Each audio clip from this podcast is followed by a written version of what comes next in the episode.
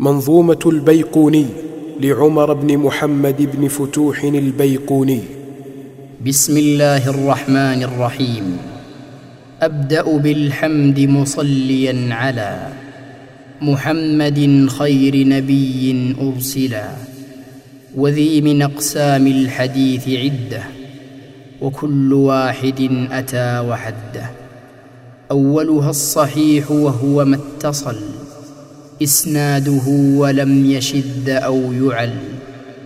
يرويه عدل ضابط عن مثله معتمد في ضبطه ونقله. والحسن المعروف طرقا وغدت رجاله لا كالصحيح اشتهرت. وكل ما عن رتبة الحسن قصر فهو الضعيف وهو أقسى من كثر.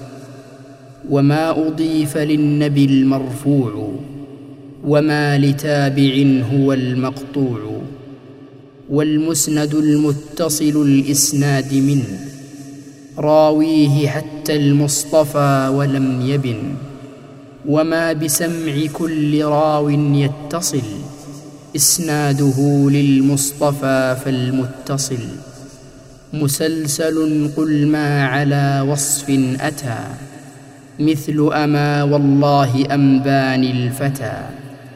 كذاك قد حدثنيه قائما أو بعد أن حدثني تبسما. عزيز مرو اثنين أو ثلاثة مشهور مرو فوق ما ثلاثة. معنعن كعن سعيد عن كرم ومبهم ما فيه راو لم يسم.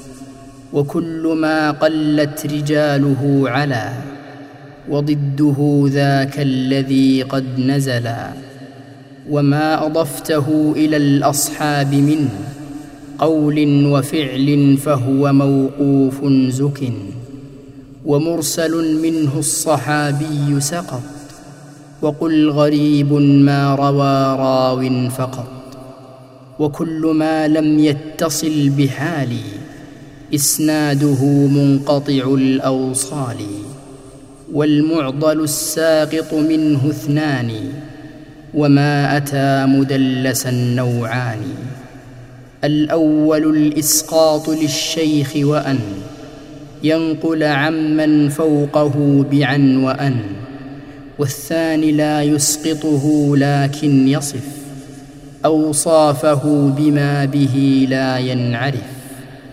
وما يخالف ثقة فيه الملا فالشاذ والمقلوب قسمان تلا.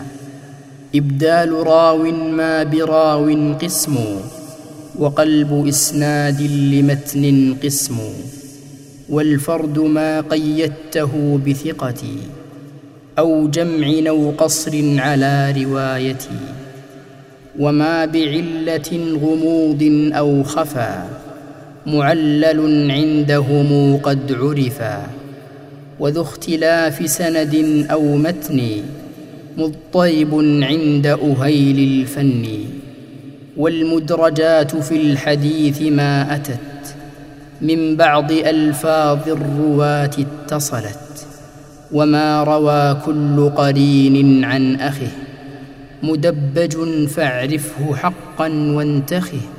متفق لفظا وخطا متفق وضده فيما ذكرنا المفترق مؤتلف متفق الخط فقط وضده مختلف فاخشى الغلط والمنكر الفرد به راو غدا تعديله لا يحمل التفردا متروكه ما واحد به انفرد وأجمعوا لضعفه فهو يرد.